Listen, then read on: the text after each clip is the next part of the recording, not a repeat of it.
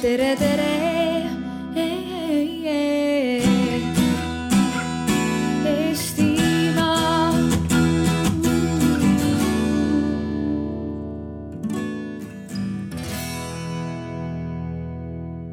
Ja nii, tere, tere tulemast äh, muutuse äh, arutelule. mul on hea meel näha, et teid on siia kogunenud äh, nii palju.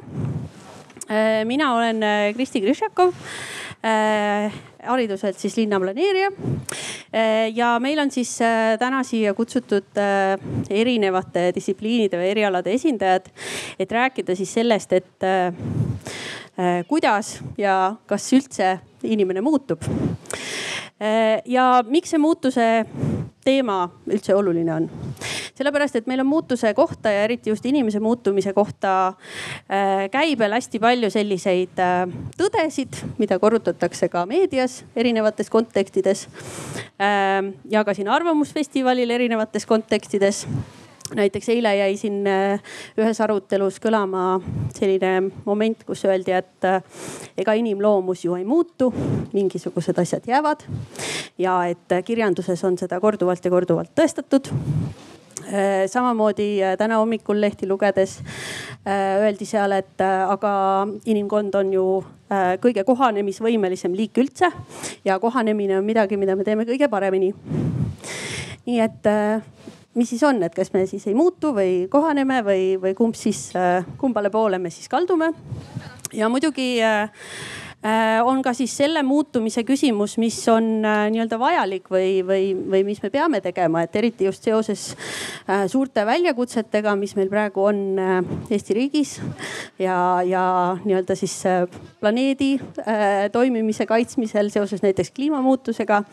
et kui me peame hakkama teistmoodi tegutsema, oma elustiile muutma, et kuidas siis selle muutusega tegeleda ja et sellest inimese muutumise teemast äh, paremini aru saada, ma kutsusin siis siia rea erinevaid äh, eksperte ja just siis äh, fookusega sellele, et nad olekski võimalikult erinevate taustadega ja neil oleks siis võimalikult erinev vaade sellele küsimusele. nii et meil on siis siin Jan Kaus, kirjanik. siis meil on Tõnu Viik, filosoof. Aveliina Helm, kes on siis bioloog Grete Arro, hariduspsühholoog. Äh, Liiri Oja, õigusteadlane ja Annika Laats, äh, kirikuõpetaja. ja ähm, enne kui me alustame, siis ma korra annaksin nii-öelda sõna ka publikule. sest meil on siin laval siis selline võimalus äh, kasutada oma telefone selleks, et oma äh, meelsust avaldada erinevates küsimustes. Äh, ja meil on ka üks küsimus teile ette valmistatud, et kui te võtate oma telefonid ja soovite selles küsimuses osaleda, siis teie selja taga on olemas ka siis samm-sammuline info, kuidas seda teha, et te võtate lahti workshopi veebilehe. Sinna peaks kohe ilmuma siis äh, selline koht, kuhu te saate panna sisse selle äh, sündmuse nime või event'i idee, mille nimi on siis äh, muutus meie arutelul. Äh,. ja siis te peate sealt võtma sellise jaotuse nagu äh, task. Ja seal omakorda siis äh, äh, saate valida erinevate vastuse variantide vahel. äh, mis ma loen teile ka siis kohe äh, ette äh, et äh, küsimus on siis, et mis paneb inimese muutuma. ja variandid on äh, mitte miski, kui ta ise seda ei soovi. Äh, keelud ja käsud, haridus ja suurem teadlikkus ja õnnetused ja katastroofid Äh, ja me laseme seda küsimust hääletada siis praegu, me saame siin äh, nende ähm, stendide pealt siis näha ka teie vastuse variante ja kui meil on arutelu lõppenud, siis me saame teha ühe kontrollhääletuse veel, et siis vaadata, kas me oleme jätkuvalt samal arvamusel äh, selle teema suhtes.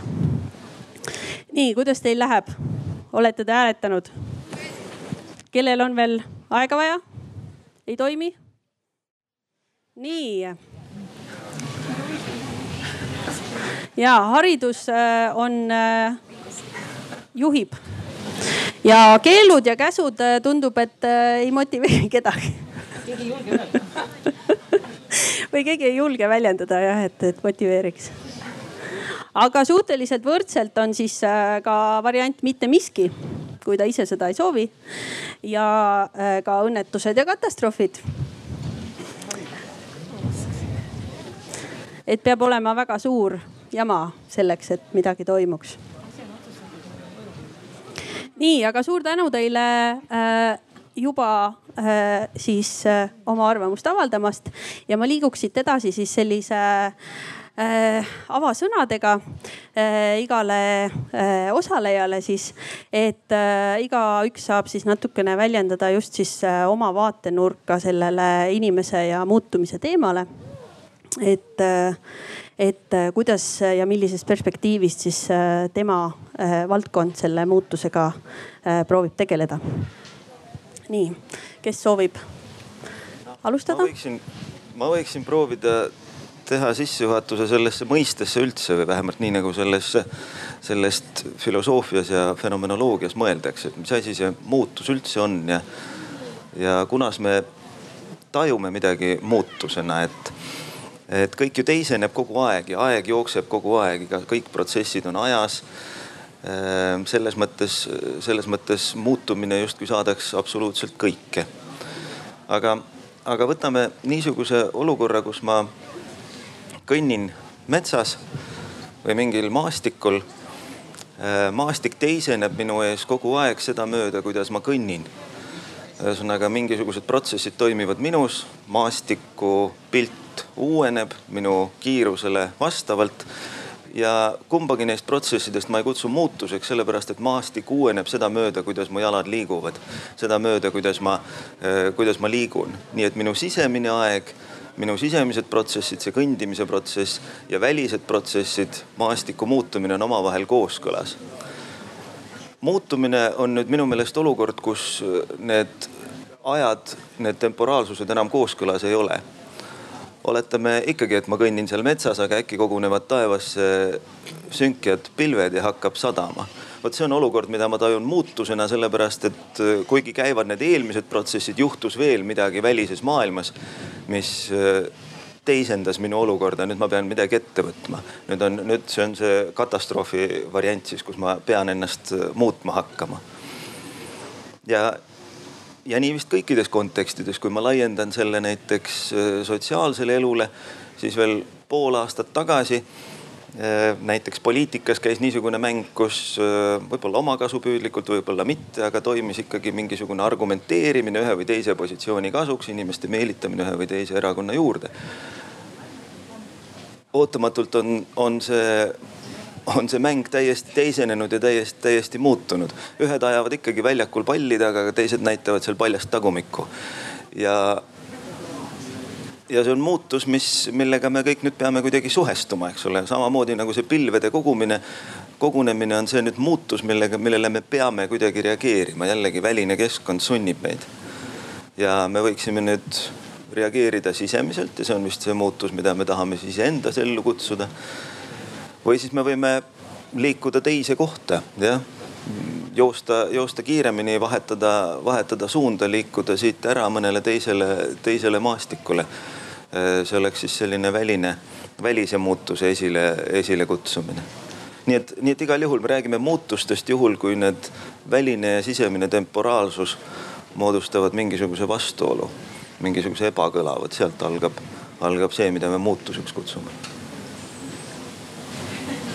ma ei tea, kas see aitas või tegi asja segasemaks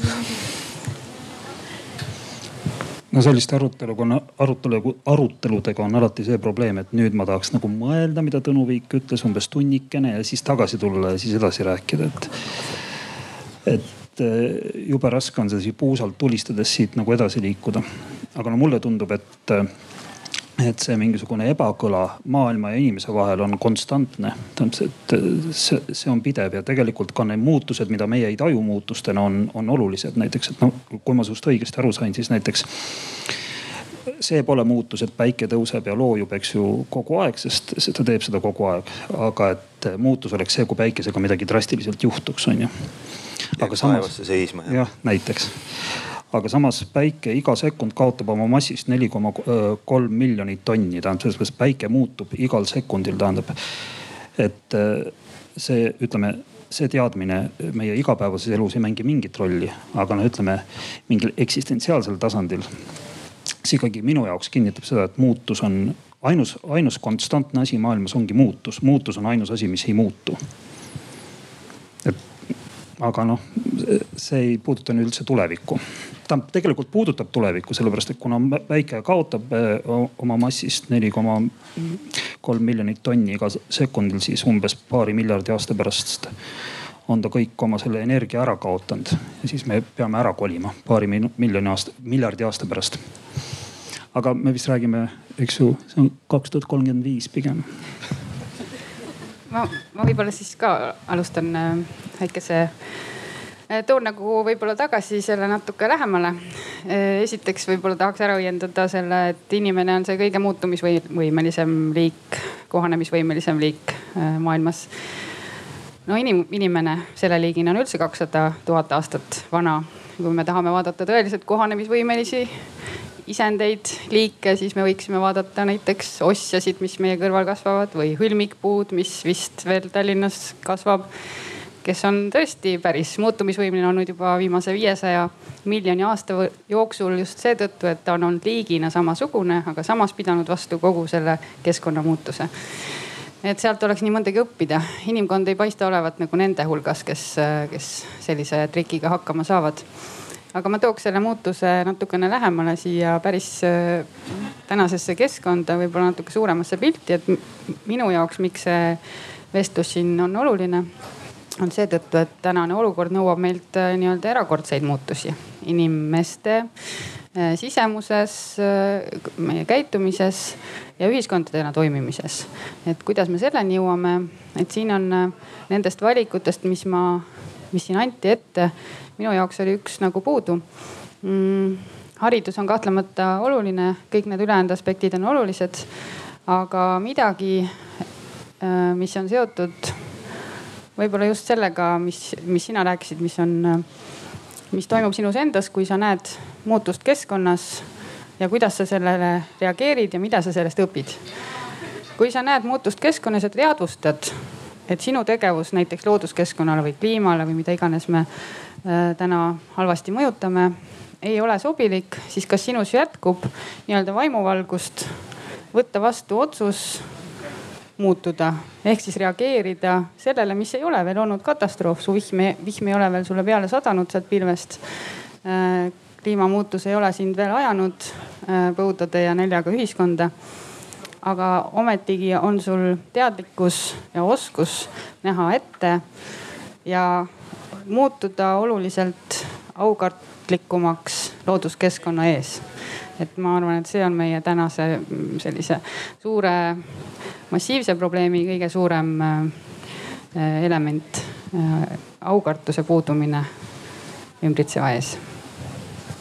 ja ma hästi hea meelega lähen samast kohast edasi, et äh, kuna ma jagan täpselt sama probleemi, mille Aveliina üles kerkis, aga minu taust on uurida, olles hariduspsühholoog, siis tegelikult minu töö ongi uurida muutust. Ja kui minu fookus võiks olla täna siin üks fookus, see küsimus, et mis asi see on, mille muutumisest me räägime. ja inimese puhul on need mingisugused psüühilised omadused, mingid protsessid, kas siis meie käitumised, seesama aukartus on tegelikult üks psüühiline omadus, üks asi, mis toimub peas. mul mingis keskkonnas tekib mingi tunne, teadmised, oskused, harjumused, kalduvused, võib-olla ka isegi temperamendi omadused ja nii edasi, siis kõik need asjad, midagi teha ei ole, need on psüühilised omadused ja selliseid omadusi, mis keskkonnaga ei suhestu, ehk siis mis, mis ei, ei interakteeru kuidagi keskkonnaga, ehk siis ei, ei, ei, ei mõjutu sellest ehk ei muutu, selliseid omadusi meil ei ole üldse vaja. ehk siis meil ei ole omadusi, mis on nii sügavalt inimese sees, et mitte miski neid ei puuduta, et noh, et seda meil ei ole tarvis neid, need kukuvad küljest ära aga et see, et keskkond tegelikult pidevalt muutub, et see on tõsiasi. et ta muutub kogu aeg, ta muutub võib-olla mõnikord üle meie taluvuse piiride. ja, ja, ja kui muutus ei oleks võimalik, et kui oleks õigus nendel, kes ütlevad, et inimene ei muutu, siis meil ei oleks koole. et siis ei oleks haridust vaja.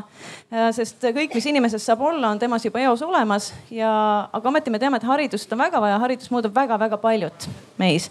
et ehk siis nagu ütles Jan, et tõesti, et kõige muutumatum asi meie psüühikas on võime kohaneda muutuvate tingimustega, võime muut, muutuda ka vastavalt õpetajale. iga laps igas järgmises tunnis tegelikult käitub teistmoodi ja see, et ta teeb seda, on hästi püsiv ja, ja need mõnikord on arvatud hästi pikalt inimesi uurides või, või inimestest mõteldes, et, et mingid asjad on püsivad, intelligentsed, mingid asjad ei muutu, siis võrreldud on ka niimoodi, et me võtame mingid samad grupid eri ajahetkel ja näitame, et näed, ei muutu ju.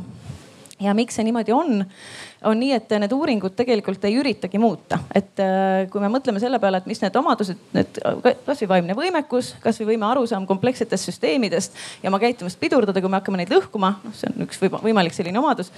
Äh, kui me äh, teame, mis seal psüühikas on, et see ei ole olemuslikult mitte midagi muud kui närviühenduste muster ja kui me teame, kuidas see saab tekkida ja muutuda tugevamaks, muutuda automaatseks ja muutuda selliseks, et õigel hetkel, näiteks kui ma pean pidurdama keskkonna mõttes vale käitumist, see muster aktiveerub. ja kui ma tean, kuidas see tekib aju sisse, siis ma saan luua keskkonna kus see saab tekkida sinna aju sisse.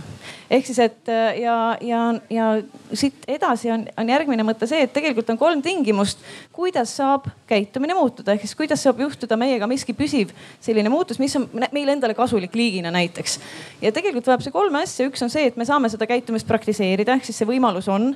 on see kas nii-öelda suhestumine loodusega või klaverimäng või matemaatika, vahet ei ole. aju õpib nad kõik ära väga hästi, mingit küsimust ei ole. teine on see, et ma pean saama võimaluse pingutada. kui ma arvan, et see tuleb ise ilma pingutuseta või kui ma õpetava keskkonnana arvan, et selleks, et see kas on või ei ole, äh, siis, äh, siis seda muutust ei saa juhtuda. ja kolmas asi on vead. et niipea kui ma annan võimaluse seda asja praktiseerida niimoodi, et see inimene saab teha vigu, ehk siis ta teeb raskemaid asju, kui, kui talle on lihtsad, kui talle juba selged on, siis ta saab selles asjas paremaks saada. ja, ja kui niimoodi mõelda, siis tegelikult äh, meie ise oleme inimesena muutuse suurimad takistajad, sest me loome kogu aeg keskkondi, kus me halvustame pingutamist ja vigu õpikeskkonnas. ja sellisel juhul sageli inimeses muutust ka ei juhtu ja me omistame selle püsiomadusele, ehk siis muutust ei tule, me arvame, et aga näed, ta ongi selline, ta ei saagi teistsuguseks muutuda. aga me oleme ise enne seda pannud temas muutumisvõime kinni. et ja kuna on tegelikult see seaduspära on välja uuritud juba mõnda aega tagasi, on hästi palju uuringuid.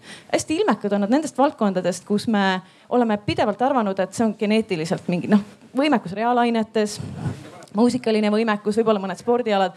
noh, et, et see on talent, see on geenides, see on anne. ja kui me siis tegelikult loome sellise targa õpetaja, kes päriselt adresseerib psüühika mõttes olulisi omadusi, siis me näeme, et ei ole mingit küsimust, kõik oskavad matemaatikat. kõik oskavad, kõik suudavad muusikalise kuulmise viia teatud tasemele, mis on nii-öelda muusikutel, muusikutele omane. aga kuni me neid protsesse seal psüühikas ei tunne, äh, me muutusi teha ei saa ja see ongi nagu minu arust minu äng või meie valdkonna äng, et me näeme, et need võimalused on olemas, muuta inimesi mõistlikumaks niimoodi, et neil on endal tegelikult hea olla ilma keeldude ja käskudeta. ja seda võiks teha ähm ma vist äh, mõtlen, et ma kommenteerin seda, seda null protsenti, kuidas see oli käsud ja, ja keelud õigusteadlasena. et ähm, võib-olla, kui seal oleks olnud seadused, et siis inimesed oleks natukene teistmoodi vastanud. Mm, ma arvan, et meile kõigile meeldib mõelda, et äh, me ei hooli käskudest ja keeldudest ja eks loomulikult äh, õigusest tähendab siis regulatsioone või, või tähendab see seadusi, et sellest ainuüksi ei piisa aga et minu, minu valdkond on ähm, spetsiifilisemalt inimõigused ja veel spetsiifilisemalt äh, seksuaal- ja reproduktiivõigused. ja ma olen uurinud äh, seda, kuidas rahvusvaheliselt erinevad komisjonid ja kohtud on siis ajas erinevad kaasused muutunud.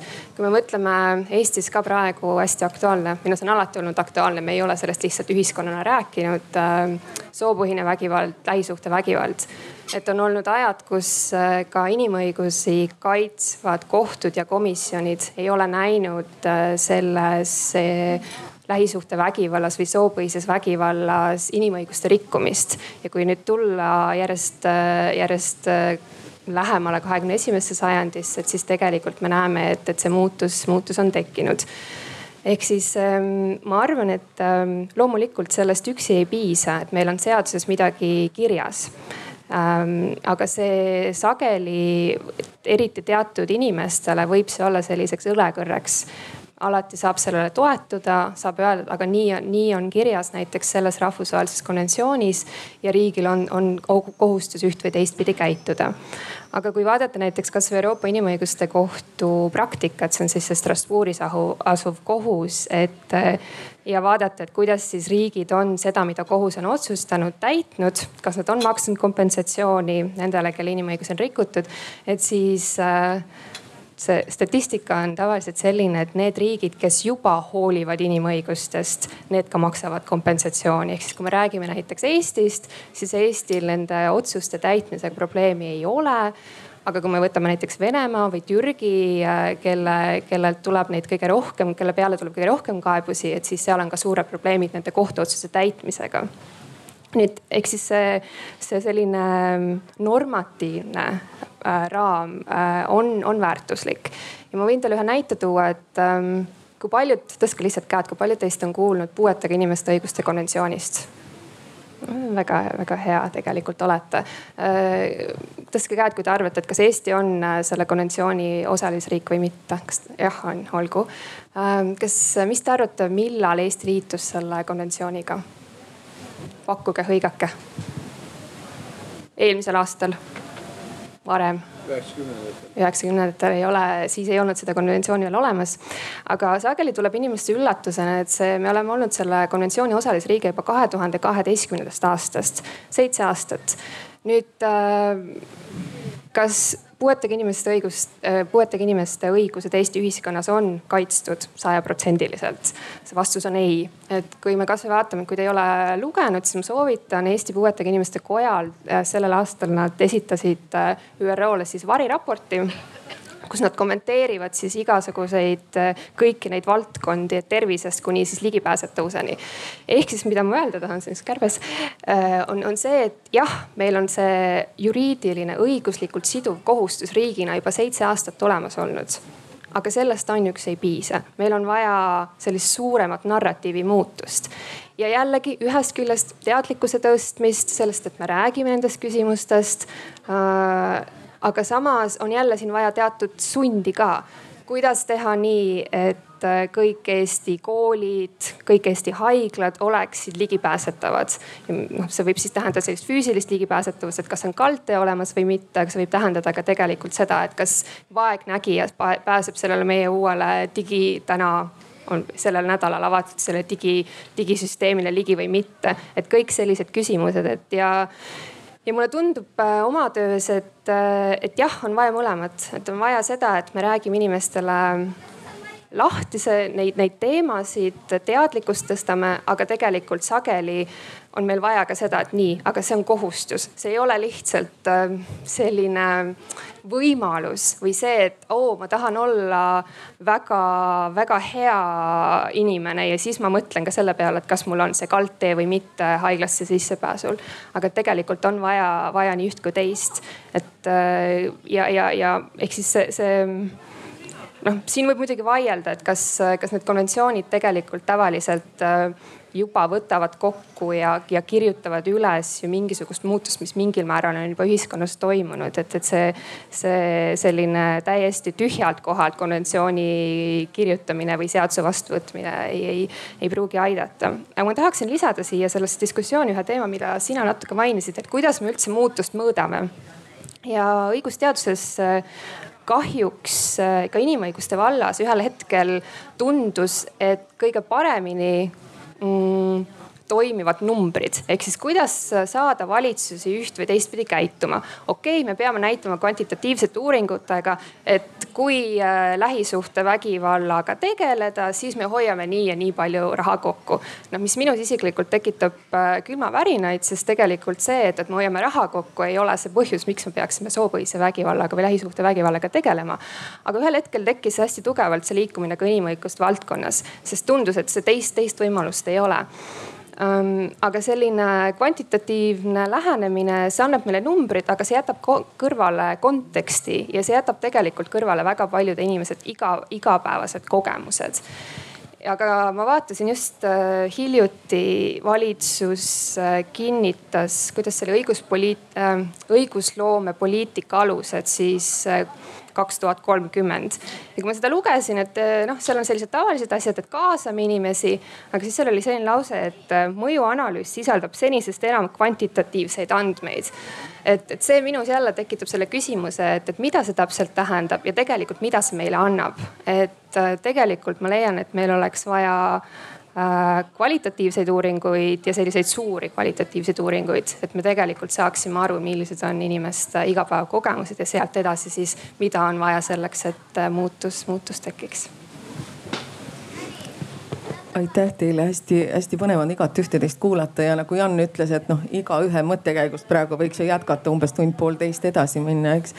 ja, ja ma olen nii ühe, noh väga paljude asjadega teie hulgas nõus, aga mina olen siin teoloogina, mitte teile kui vapustavatele ekspertidele kaasanoogutajana ja mina teoloogina eh, ilmselgelt käsitlen muutust pisut teistmoodi. ma palju kuulsin siin sellist evolutsioonilist muutust, eks ju, arengut.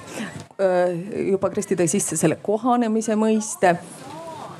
Eh, teoloogias on muutus midagi hästi radikaalset ja kristluses on see kuulut-, või kristlus on seda sõnumit kuulutanud kaks tuhat aastat juba, et inimene on võimeline muutuma, et inimeses on potentsiaal muutuda, et inimene on kutsutud muutuma.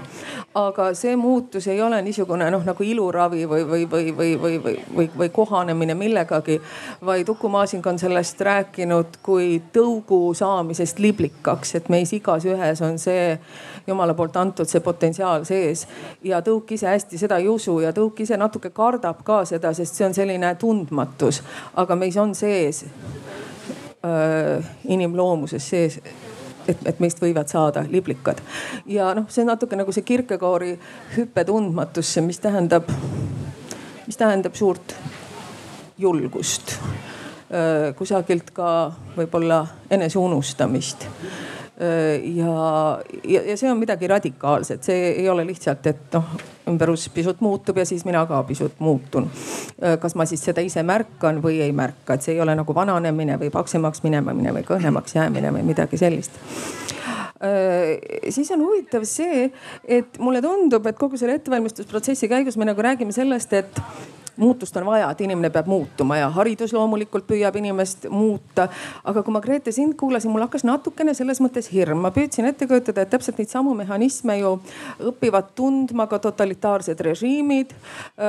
tabuvad, tabavad ära samu asju ja, ja siis noh, saavad seda, seda rakendada millekski muuks ja kui me mõtleme Nõukogude mineviku peale ja üldse noh, kakskümmend sajand, ega inimene kahekümnenda sajandi jooksul ei olnud parem inimene, kui ta oli üheksateist sajand sajand, eks ju. ja, ja oi, kui palju on olnud neid ideoloogiaid, mis on püüdnud head inimest luua. kuulge, ükski ideoloogia ei ole öelnud välja, et nad püüavad kurja inimest kasvatada või luua. ikka Nõukogude võim ka püüdis ja, ja natsivõim head. ikka, ikka sellist paremat, paremat inimsugu toota või, toota või luua. nii et minu meelest selle inimese muutumisega on ka nagu meil tuleb kahte tahku siin vaadata, et meis on meis on, võime muutuda inimesemaks. Aga oh paraku on meis kõigis olemas ka võimalus muutuda vähem inimeseks. ja, ja see on see, mida minu meelest muutusest rääkides tuleb ka nagu teraselt silmas pidada, et me võime kaotada oma inimsuses. ja kui rääkida sellest noh teoloogina, mis on mis on tõelise muutumise jõud või vägi, noh siis minu jaoks oli kindlasti puudu see, see võib tunduda sentimentaalne, aga ma veenan teid, et see ei ole, on armastuse vägi. ja see on minu jaoks absoluutselt vääramatult see kõige, kõige tugevam muutev vägi, mis ka kaldub haridusse, sest äh, katsu sa mõnda sellist, noh katsu sa last ilma armastuseta, selle baasturvalisuseta muuta, kui tal seda ei ole. ja võib-olla on see meie ühiskonna suur küsimus või probleem, et me ootame, et inimesed, hallo, miks te ei muutu, et on aeg muutuda, eks. aga neil on puudus mingisugune sihuke baasturvalisuse moment, mis laseks neil muutuda. ma ööbin Arvamusfestivali ajal Türil surnuaia kõrval, vana surnuaia kõrval, hästi tore on seal enne seda üks tunnine tiir teha, lugeda hauakive. see annab häid mõtteid.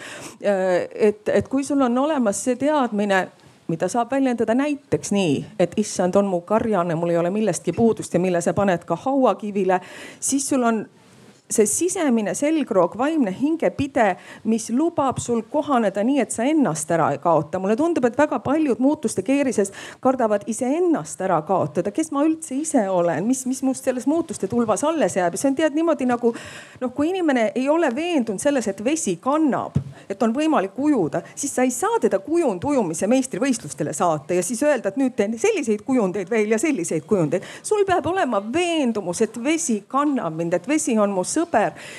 Ja ma saan, ma võin selles olukorras iseennast kaotamata ja ära uppumata, ma saan hakata märkama uusi asju. ahaa, tõepoolest, tema on ka inimene, tema on ka selline inimene ja ma võin teda kui inimest aktsepteerida ja nõnda edasi kas ma tohin seda hästi lühidalt ka kommenteerida, et mulle hästi-hästi meeldib see mõte ja see on ka asi, mida noh, võib-olla on, on olemas mingisugused sellised elementaarsed asjad, mida me alati ka ei ütle välja ja see on tegelikult meie, üldse meie väike maailm siin ju põhineb mingis mõttes kahel alusväärtusel. üks on positiivistlik maailmapilt ehk siis maailm on olemas ja teaduslikult kirjeldatav ja teine on noh, kas kristliku või, või siis veel vanema baasiga nii needsamad inimõigused ehk siis seesama arusaam, et inimelu on püha, see on väärtus on ju, et, et me, et see on kõige tähtsam ja mingis mõttes need kaks süsteemi millel võiks põhineda kõik see, mida me teeme, muuhulgas teaduses ja hariduses. Ja noh, see haridus, millest mina räägin, on teadusest informeeritud ja teisalt äh, inklusiivne selles mõttes, et me, et kui ma enne ütlesin et äh, see, kes tahab muutust luua, peab tundma psüühika omadusi, nii nagu see, kes tahab autot parandada, peab tundma auto omadusi.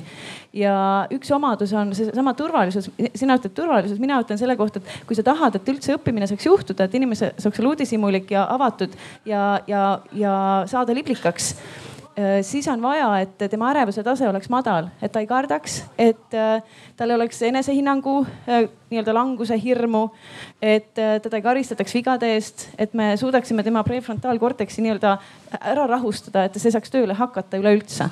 ja seesama armastus ja seotuse ja hoolivuse tunne on tegelikult psühholoogias, õppimispsühholoogias elementaarne osa, et mitte ükski hariduse inimene, kes haridusest midagi teab, ei arva, et see on midagi eraldi, see on kõrval, sest tegelikult ja, ja küsimus ongi siin tegelikult ka selles, et tõesti totalitaarsed režiimid ongi sageli inimest väga efektiivselt muutnud. ja ma käisin sel kevadel isemääramisteooria konverentsil. Self-determination theory on üks äärmiselt efektiivne motivatsiooniteooria, see on tõesti hea, see on tipptasemel teadlased. ja üks nende põhi selliseid kõne, no ütleme tippteadlasi siis ütleski, et jah, me teame täna, kuidas motivatsiooni tõhusalt toetada, nii et inimesed tahaks ennast muuta ja nad tunneks seejuures ennast hästi ja mõnusalt ja mõtestatult. aga et neil oleks see sisemine kompass, mis näitab õiget teed. aga kes ütleb, mis on õige? et meie nagu oma arust ju teame, noh, mis on õige, on ju, mitte teha üksteisele loodusele kurja näiteks. Äh, aga jah, et, et see ongi alati see küsimus, et kas see kompass meil endal ka alati õigesti näitab kas, kas ma võiksin pikalt kommenteerida? et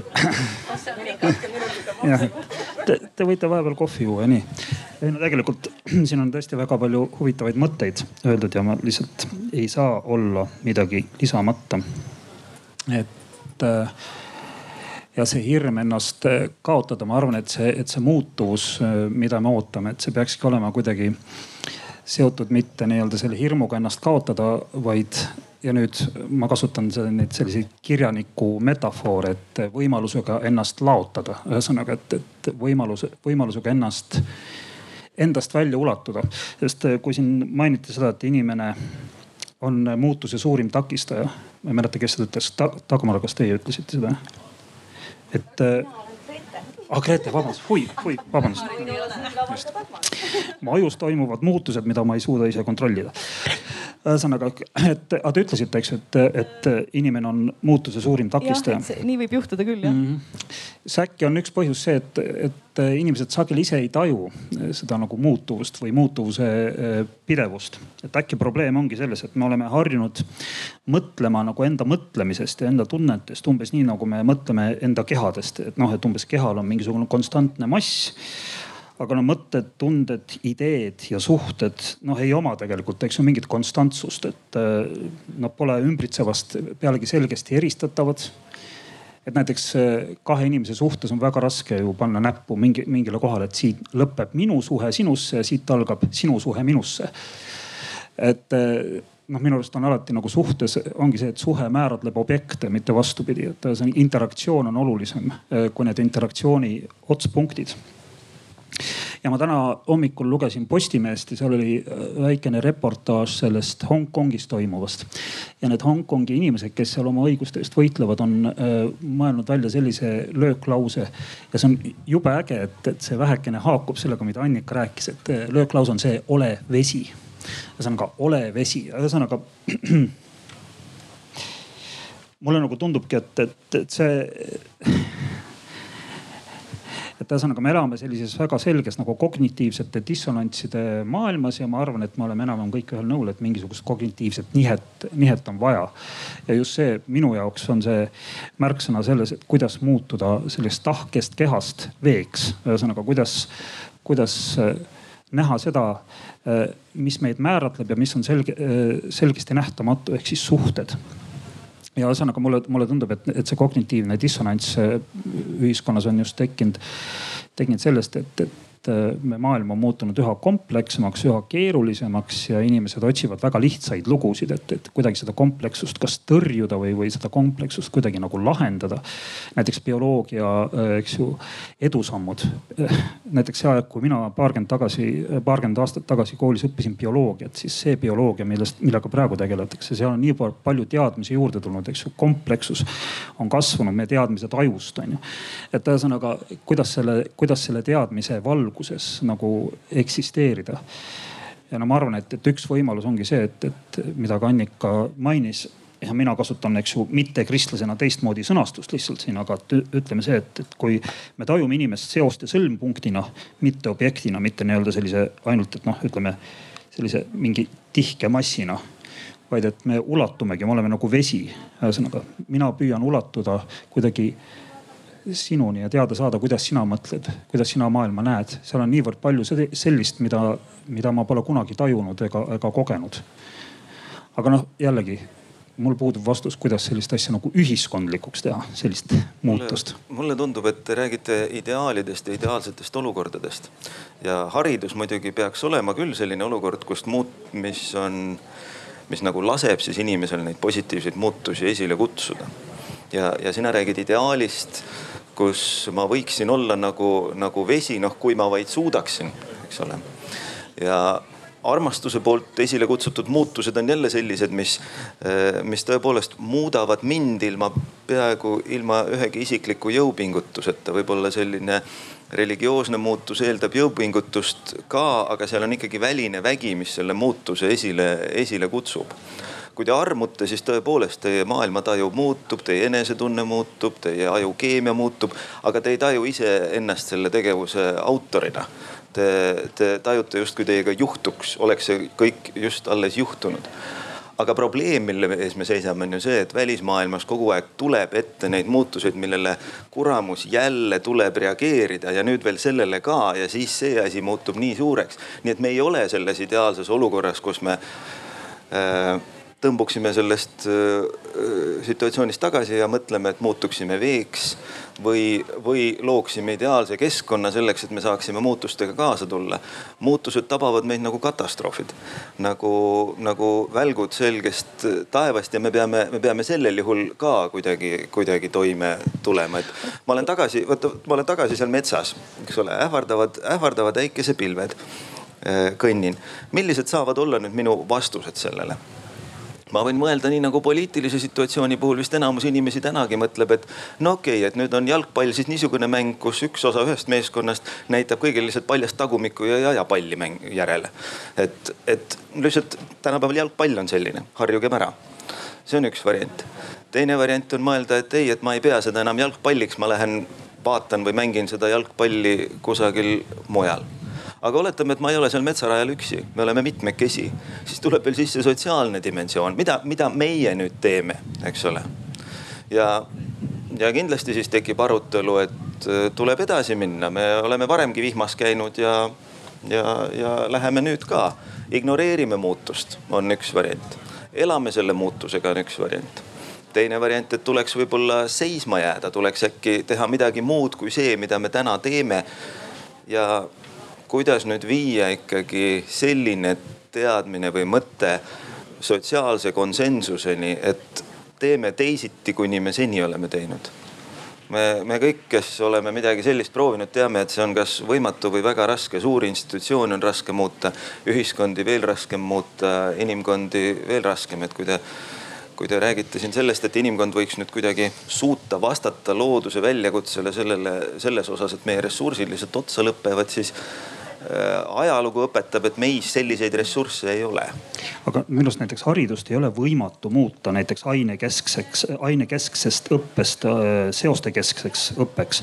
et mis tookski kaasa mingi kognitiivse nihke, et, et, et see muutuvuses elamine oleks pidevalt teadvustatud. kui äikesepilv tuleb, siis ma suudan selle muutusega paremini kohaneda. kas sa sellega oled nõus, et inimene, kes tajub kõige muutuvust on muutustega kerge, ütleme üldjoontes võib muutustega kergemini kohaneda? ei muidugi ma olen nõus, et me suudame luua kunstlikke keskkondi, kus muutustega kohanemine ja nendega kaasaminek on, on pehmendatud, lihtsustatud ja soositud ja kool peaks olema niisugune keskkond jah. ainult et me ei ole koolis enamuse aja oma elust ja kool asub ikkagi ka keset ühiskonda, nii et. elukestev õpe, oleme küll koolis. tegelikult õppimine nagu saab juhtuda ka väljaspool kooli, aga ma tahaks kommenteerida, kah tohib või? Kahte asja, üks on see, et äh, vaata Jaan, sa korra tõid välja, et kõik läheb nii keeruliseks ja komplekssne ja samuti teadmine ja noh ke, keerukus on ju, on üks asi, mis meid ümbritseb ja see oleks nagu hirmus. aga mina tahaks meid kõiki lohutada, et keerukus on tegelikult üks maailma ägedamaid asju, et tegelikult äh, aju hakkab õppima hetkel, kui ta ei saa enam aru.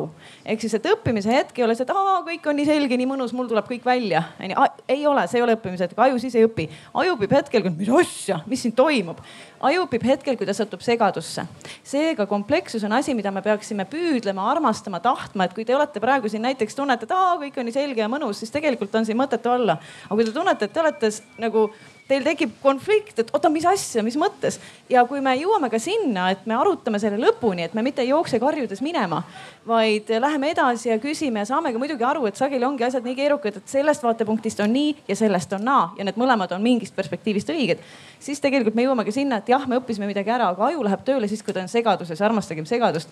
ja teine asi, ma õudselt tahaks rääkida, ma tahaks ka armastusest rääkida ja ma tahaks rääkida sellest võtmest, et sageli arvatakse, et kui me räägime, kui me tuleme korraks tagasi selle keskkonnaprobleemi, probleemistiku juurde, siis üks asi, mis et armastus saab tekkida niimoodi noh, keskkonna suhtes, et ma olen harjunud mingi kohaga, mulle meeldib mingi maastik, mingi, mingi asi, et mul on emotsionaalne suhe. aga tegelikult armastus saab tekkida ka niimoodi, et ma olen, et ma tunnen mingit asja, et ma olen juhtumisi hakanud uurima, kas mingit liiki, mingit kooslust, mingit, mingit nähtust.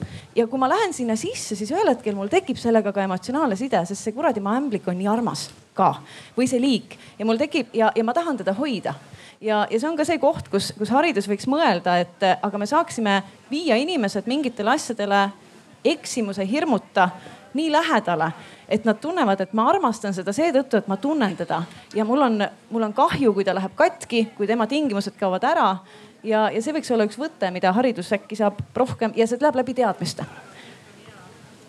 ma võin ka kiiresti kommenteerida, et see, mida Grete ütles praegu, et et see otsapidi läheb sinnasamma käsud ja käsud ja keelud või õigemini see teise, see teine pool sellest seadusloomest, et toetavad süsteemid, eh, mis, mis tegelikult sellist muutust väga kiiresti aitavad takka lükata. kui me loome neid, no räägime nüüd ikka siis keskkonnast, mina muust väga ei oskagi.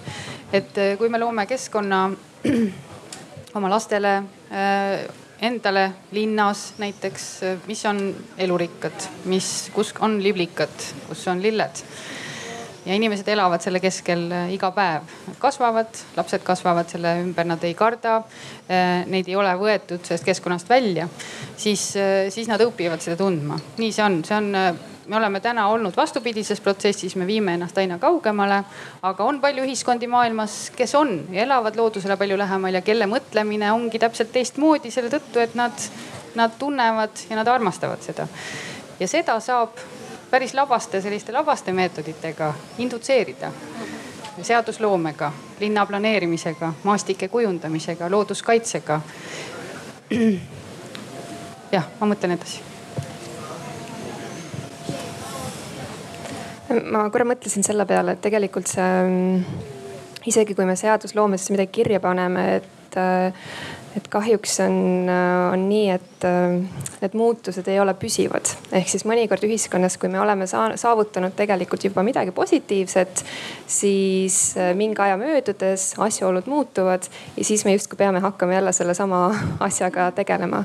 et ma võin oma valdkonnast tuua teile näite ja see nüüd ei ole ainult Eesti kohta, aga mis puudutab näiteks aborti ja abordi regulatsioon. et äh, no jääme Eesti juurde, see on võib-olla kõige tuttavam võib-olla.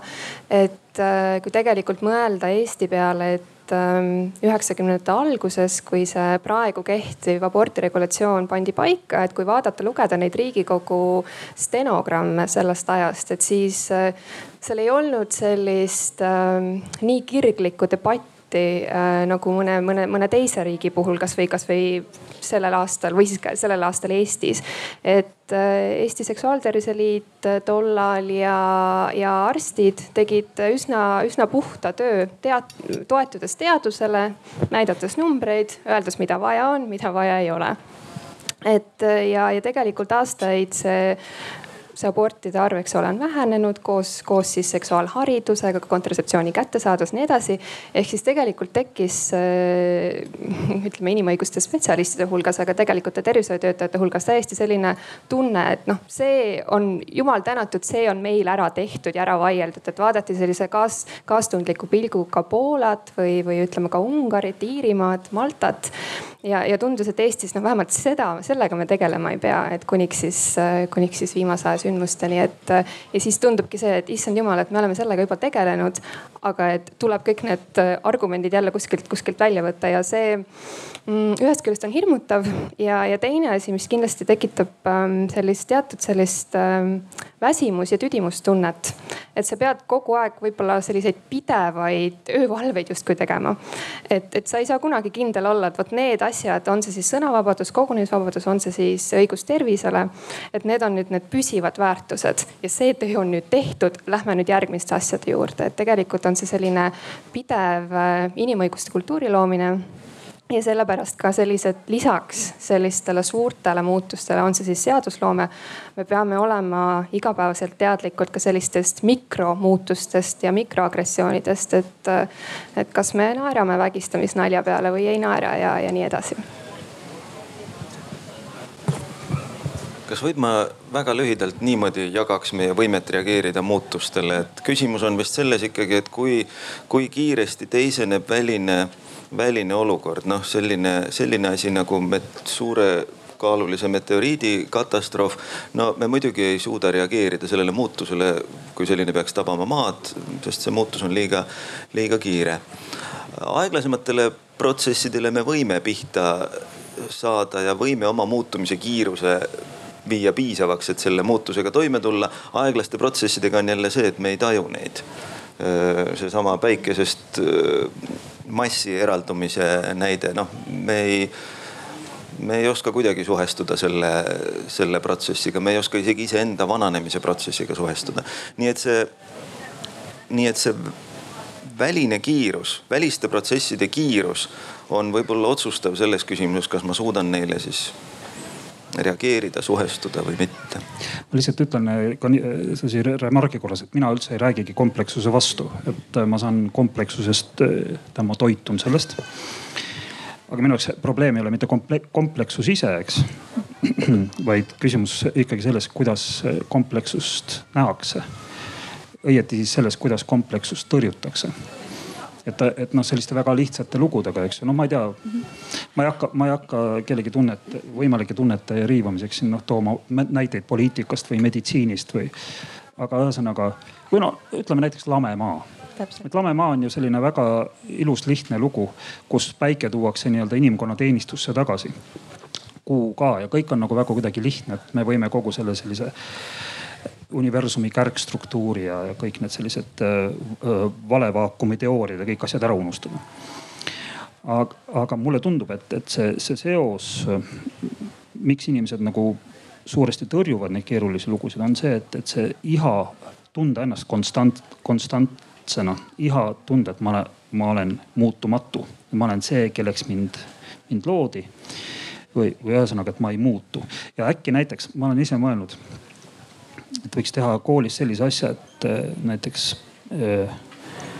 kuskil üheksandas klassis näiteks või kümnendas peaksid kõik pidama päevikut, et kõik kirjutavad päevikut, ühesõnaga.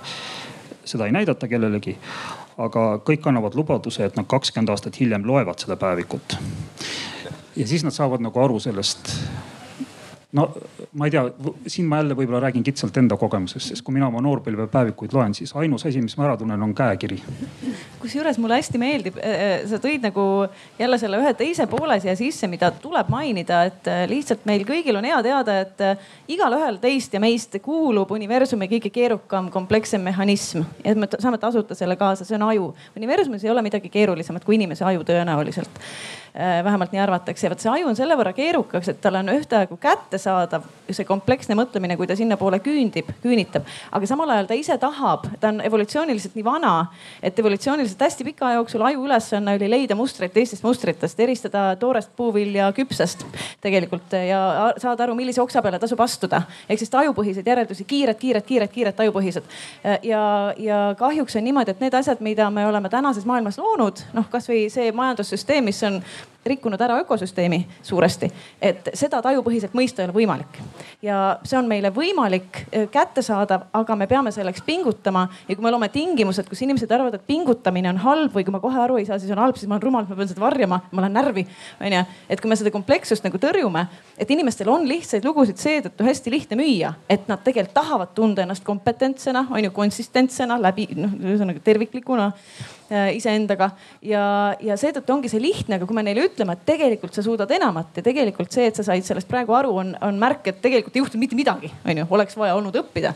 et me võiks seda julgemalt välja öelda ja ma tahaks korra öelda ka seaduste kaitseks midagi et mulle hästi meeldis sinu mõte, et meil on vaja nagu nii seadust kui ka midagi muud ja tegelikult iga seadus saab inimese peas olla kahes tähenduses. üks on see, et ma saan aru, miks see seadus on. näiteks kui paljud teist seisavad punase tule taga onju, et ja, ja me kõik seisame, aga mitte nii, et issand mind ahistatakse, et mingisugune riik ahistab mind sooviga, et ma jääksin ellu. et ma ei tunne ennast halvasti, sellepärast et ma tean, miks see seadus on ja kuidas see mind aitab. aga mul võib olla raske mõista seadust, et on hea mitte niita nii sageli muru või hoida no,, mitte panna mingisugust mürki taimedele oma aias, sest, sest see kompleksne seos, lihtne, väga lihtne mõista, miks on minul hea olla elus, aga raske mõista, et mina olen elus ka seetõttu, et kusagil on terve hulk ahelreaktsioone, protsesse, kompleksseid omavahel mõjutavaid mingisuguseid seoseid mõtteid ja vaata, kui ma hoian neid elus, siis on minul ka parem ja seda ei saa kiirelt mõista. ja see seadus saab olla selline, et kui ma mõistan seda, mis seal taga on, siis see seadus tegelikult toetab minu elu ja ma saan selle noh ta on shortcut, eks ju, mõne jaoks, äh, kes siis äh, seda seost pole veel mõistnud, aga enamiku jaoks ta on selline, et okei okay,, see on ühiskondlik kokkulepe, see on mõnus, las ta olla, eks ju, me järgime seda. aga kui see seadus on minu jaoks tunnetuslikult, ma ei mõista seda, see on piirang, see ahistab mind siis ma tahan sellest mööda pääseda, siis ma üritan nihverdada, siis ma ületan kiirust, siis ma petan. et, et ehk siis sellisel juhul ta võib toimida ainult karistuse trahvi hirmus, aga niipea kui sa võtad trahvi ära, ta enam ei tööta. Ma võib-olla ütleks lihtsalt seda, mis on, tundub triviaalsus, aga mul vahel näib, et just selliseid, nagu sa vist siin ütlesidki, et mõned asjad, hästi lihtsad asjad me jätame ütlemata. et, et kui me kogu aeg elame sellises tundes, et nii tohutult muutuvust ja mis siin kaks tuhat kolmkümmend viis veel tuleb ja eile oli siinsamas laval kaks tuhat viiskümmend kolm ja, ja kõik nii kohutavalt muutub ja me peame õudselt muutuma. siis tegelikult hingehoidjana igapäevast tööd tehes ma näen, et tühjagi ta nii palju muutub täpselt samad asjad on need, mis inimesele põhiliselt valu teevad ja rõõmu teevad. ei muutu sünd okei okay,, see viis, kuidas laps eostub, võib muutuda, sünd ei muutu, armastus, mis sellest tekib, ka lapse, noh, see, kui armastusest oli juttu. laps, kes sul sünnib ja see, mis sinuga saab sellel hetkel, kui ta sul käes on ja sealt edasi saama hakkab, ei muutu surm. me püüame teha surma väärikamaks, inimlikumaks, aga surm ei muutu. et mingisugused konstandid on väga selgelt olemas, inimene on alati ka tuhat, kaks tuhat, kümme tuhat aastat tagasi tahtnud elada hästi, see, mida tähendab hästi, muutub aga, aga ei ole nagu niimoodi, et vau, et me elame nagu siuksel paanilisel ajastul. ma eile kuulasin noori seal kõige viimases paneelis ja mõtlesin, et see on tohutu lahe, et nad keskkonna eest võitlevad ja on võtnud selle ohjad enda kätte ja püüavad meile nagu kogu aeg seda meelde tuletada. aga tegelikult ma samal ajal loodan, et, et neis on ka suur rahu, et nad ei ela nagu pidevas sellises, et, et kohe-kohe läheb talumatult võimatuks, et, et kõige selle keskel olla olemas selles hetkes ja, ja, ja tajuda seda, et kuulge, see, see hetk on ilus ja, ja suhted, eks ju, suhted, millest siin juttu oli, et meil ikka jätkuvalt on kõige olulisem see need, need omavahelised kontaktid ja suhted, eks ju, et selles mõttes jah, meil tuleb väga paljude asjadega kohaneda, mingid asjad hästi kiiresti ka noh muuta oma elus keskkonnaga seoses või, või, või, või, või nii kiiresti, kui annab või noh, mida iganes, selle üle saab järgmistes vestlusringides kindlasti palju arutada. ja mis on ka see, et jah, võib-olla tundus nii, et me räägime nagu siin või noh, või et ma rääkisin nagu mingitest ideaalidest. jah, ma hoian ideaalid silmade ees, ma, mul on jumal ja, ja, ja, ja ma väga hästi tean, mida ma mõtlen taevariigi all, mida ma aeg-ajalt võin kogeda ka siin juba maal, siin inimeste keskel ja inimestega koos kõige helgematel hetkedel. aga, aga selles mõttes väga realistlik tuleb ka olla, et ei ole ju nõnda, et, et noh, et inimloomus kogu aeg läheb paremaks, nii et öövalved jätkuvad, Liiri. ma, ma olen veendunud, et öövalved jätkuvad peale meid veel sada aastat, kakssada aastat, tuhat, nii palju, kui seda maad meile antakse, eks ju. et inimloomus selles mõttes inimene on võimeline heaks ja võimeline kurjaks ja alati on meis olemas see potentsiaal, et tõugust võib saada liblikas, mis on omajagu hirmutav, see ei ole mingi lõpplahe, sest tegelikult nagu ma ütlesin, see on, see on selline julgus, julguse hüpe muutuda nagu radikaalselt, totaalselt. aga ega me ei taha mm ma küll otse ei oska nagu sinu sellest, ei või, või oskan ikka küll, ma tahtsin sisse tuua veel ühe aspekti, mida ma ökoloogina olen mõelnud ja siin on nii tark paneel, võib-olla sütitab see teid kuidagi.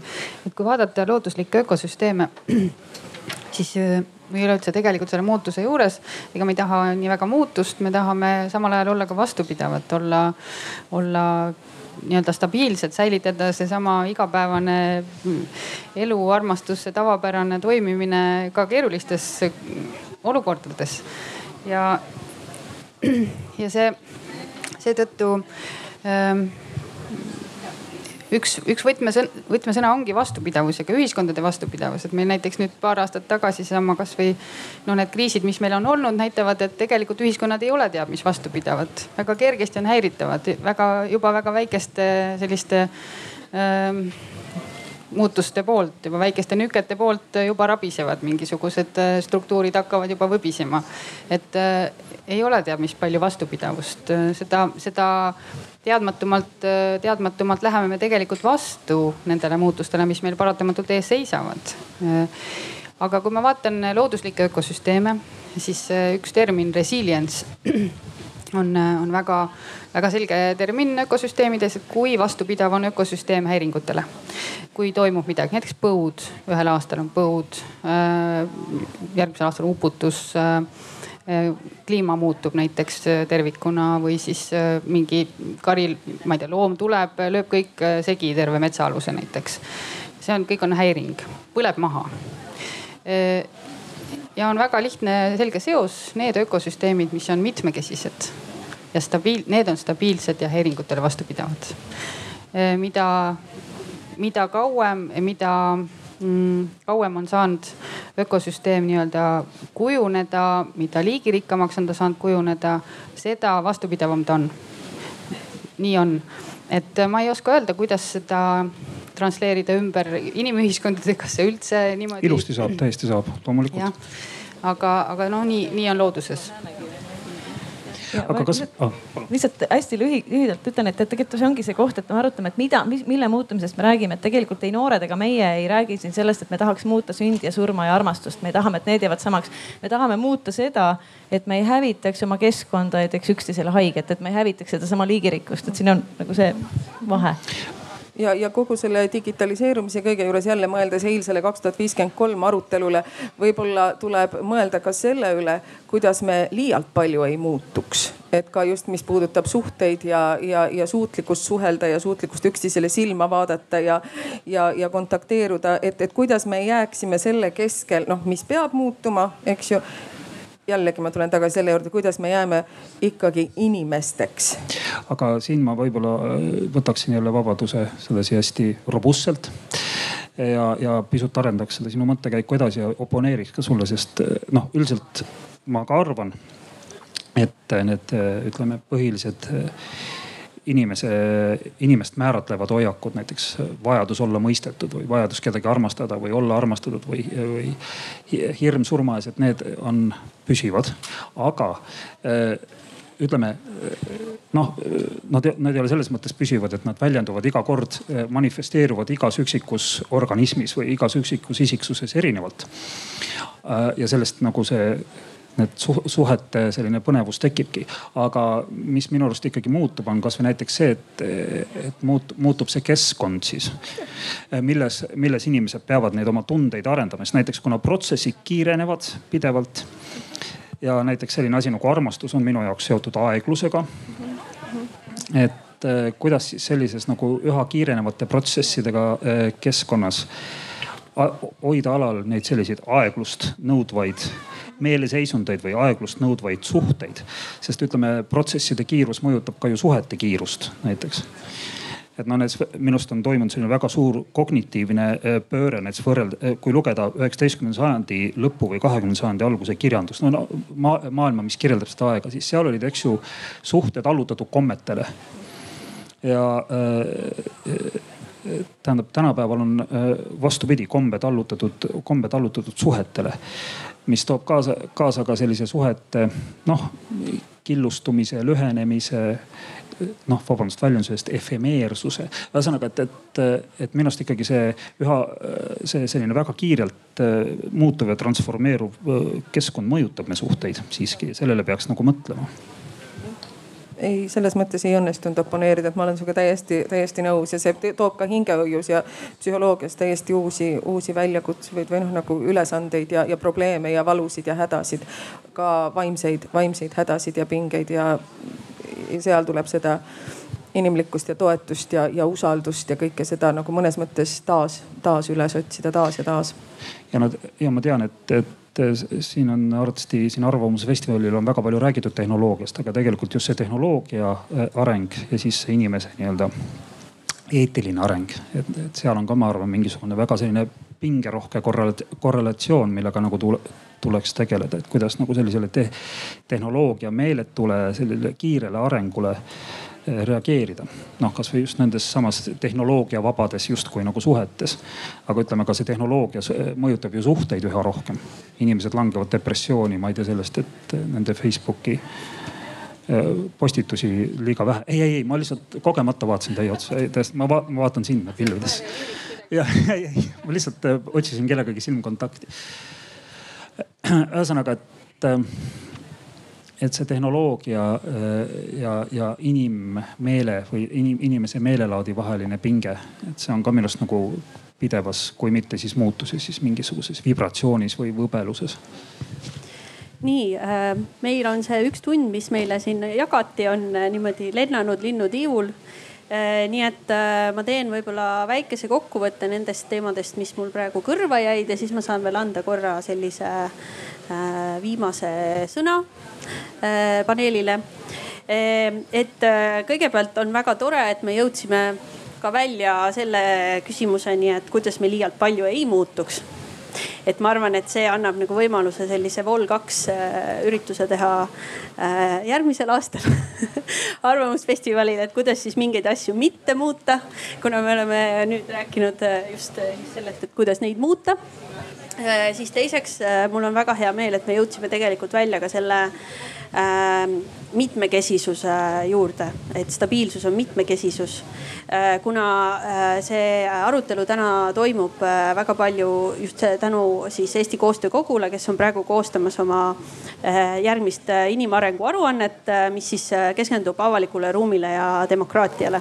ja avaliku ruumi seisukohast on just hästi oluline säilitada seda mitmekesisust seda, et me oleme vastamisi äh, teiste, teiste arvamustega inimestega, kes on meist erinevad ja kuidas siis äh, nii füüsiline kui digitaalne ruum saaks seda, seda mitmekesisust äh, toetada aga nüüd rääkides siis sellest inimese muutumise küsimusest.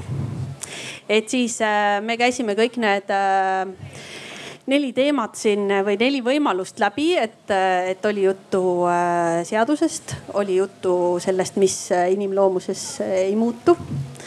oli juttu haridusest Äh, võib-olla natuke vähem oli äh, juttu nendest ähm, nii-öelda katastroofidest või, või meteoriitidest, aga siiski, et, et äh, kuidas, mis teha ka siis, kui on väga radikaalne muutus või, või seesama näide sellest mitmekesisusest, mis jääb ellu väga suurte katastroofide valguses. Ehm, nii et, äh, et need pooled me läbisime, aga mis, äh, mis minule jäi nagu võib-olla täpsemalt kõrvu, oli just ka see küsimus, et, äh, et ühelt poolt sellised märksõnad nagu siis julgus, mida on vaja, et muutuda, mis meil ei olnud seal valikutes kirjas, siis armastus Äh, siis ka küsimus sellest äh, turvalisest äh, keskkonnast, kus õppida või, või muutuda või nagu Grete ütles, et ärevuse tase peab olema madal. ja siis ka see taju küsimus kindlasti Äh, mis, ähm, et, et kuidas see muutus toimub, et me, me tajume muutust ja oleme võimelised tajuma mingisuguseid suuremaid protsesse, et võib-olla, ähm, võib-olla see küsimus, äh, noh, meie need näited ka sellest metsas jalutamisest või äikesepilvedest, et need on nagu need asjad, mida me kohe näeme. aga kuidas sa äh, kuidas sa peaksid suutma siis reageerida nendele protsessidele, mis ei ole veel nähtavad, nagu see Janni päikese näide, eks ju Äh, äh, aga mida oleks siiski, äh, et me peaksime midagi tegema selles osas. Ja ma arvan, et oluline oli ka see moment, et me hariduse osas tõime välja näiteks siis need kolm osa, mis Grete ütles, praktiseerimine, pingutus ja vigade lubamine ja ma arvan, et ka nende seaduste või, või käskude-keeldude osas, et see on üks väga oluline küsimus sellest kvalitatiivsest ja, ja kvantitatiivsest äh, küsimusest, et, et kui kvantitatiivseks või faktipõhiseks me saame mingisuguste asjadega minna. nagu ka Jan siis täiendas, et nende suhete või, või teatud protsesside osas meil ei ole ka võimalik tõenäoliselt isegi ka kvalitatiivselt eriti mingisuguste tulemusteni jõuda ja, ja tulevikuprotsesside osas, äh, mida me nagu natuke pelgame, siis seal on nagu võimatu üldse mingisugust nagu teaduspõhist alust sageli äh, anda, et me nagu näeme, et mingid asjad on muutumuses, midagi me juba saame järeldada, aga me ei saa nagu ju täpselt ennustada, et, et mis on see prognoosida, siis on see nii-öelda teaduslik termin, et mis on üks või teine näitaja aastal kaks tuhat kolmkümmend viis näiteks, kuigi eks ju statistikaamet tegeleb näiteks meil ka selliste prognoosidega äh,. nii äh,, ma annaksin korra veel sellise lõppsõnaringi selleks, et äh, võib-olla te võiksite enda jaoks äh, siis ka kokku võtta korra selle arutelu, et mis teie jaoks oli muutuse teema osas just midagi sellist, mis te tahaksite rõhutada või mis teie jaoks oli nagu uus või kus te tahaksite edasi mõelda, edasi arutada, selle kasutusele võtta, teistele rääkida edasi. nii et ma annan siis sõna teile veel korra tagasi no alustame siis siitpoolt. no ma arvan, et, et kui me räägime muutuvusest, siis, siis muutuvuse juurde kuulub ka ju lõppematus, et, et asjad ei lahene kunagi lõplikult. nii ka see vestlus mina tahaks tagasi tulla selle muutuse tajumise juurde ja, ja nagu nagu ennist siin rääkisime, et ega kõik teiseneb niikuinii kogu aeg. Äh, kunas, kunas me tajume midagi muutuvana, on see, kui tekib ebakõla sisemise ja välimise selle äh, teisenemise vahel ja, ja tõepoolest me oleme ehitatud niisugustena, et me märkame selles välise maailma muutumises kogu aeg negatiivset, eks ole. miks me, me peaaegu kordagi ei rääkinud muutustest positiivses võtmes. selliselt, et oo, maailm muutub ja see rõõmustab mind. maailm muutub ja see üllatab mind positiivselt. homme jälle üks positiivne üllatus ja vaadake, mida siis veel päev toob. me, me keskendume negatiivsetele muutustele ja see on meie aju mingisugune omadus fikseerida negatiivset. ühelt poolt see on tõsi ja tõsi on seegi, et kuni, kuni me oleme inimesed, jäävad, jäävad paljud asjad samaks. aga no kui pika ea te inimesele, inimesele kui liigile annate? kolm miljonit aastat, kümme miljonit aastat veel, no praegu nagu tuleviku suunas vist põhjust väga pikka iga ennustada, ennustada ei ole kaks tuhat kolmkümmend viis. no ja, aga, aga jällegi need miljonid aastad on midagi, millesse me ju suhestuda, suhestuda ei oska. nüüd, kuidas saavutada siis see, et minu, et mul oleks positiivne hoopiski vahekord selle, selle muutusega, nii et ta ei rabaks mind äh, ebameeldivalt, vaid ma rõõmustaksin nende üle see vist on see, millele me otsime vastust nagu isikliku tasakaalu tasandil ja ja ühelt poolt tõesti võib vaadata, et mis jääb samaks, see, see nagu aitab ja paljud väga põhilised asjad jäävad alati, alati samaks. Ja samasus vist on meie jaoks alati see mõnuprintsiip, see, mis on nagu helge ja hea, kui asjad on nii, nagu nad on alati olnud, siis see on nagu tore. ma ei, ma ei tea, miks me kipume selliselt, selliselt hindama. kuidas, kuidas nüüd teisendada seda nii, et oi kui tore, et asjad ei ole nii, nagu nad on alati olnud. no vot, ma ei tea. Äh, üks hea taktika selleks, ühesõnaga mul puudub vastus sellele küsimusele, aga, aga üks taktika on, mis mõnikord harva, mida ma suudan ise ka kasutada, see on huumor. Äh, ja huumor iseenda suhtes, katsuda võtta iseennast vähem tõsiselt. see on, see on see kõige kõige raskem asi lasta, vot olla nagu vesi selles, äh, selles mõttes siis. ma korraks segan, äh, lihtsalt Jaan Kaplinski üks lahe ütlus tuli mul meelde seoses selle, sellega. võib-olla peaks elu tõsiselt võtma, aga seda, et sa võtad elu tõsiselt, ei peaks tõsiselt võtma. ja selle üle me võiksime, võiksime naerda, sest kõik on ju kaduv.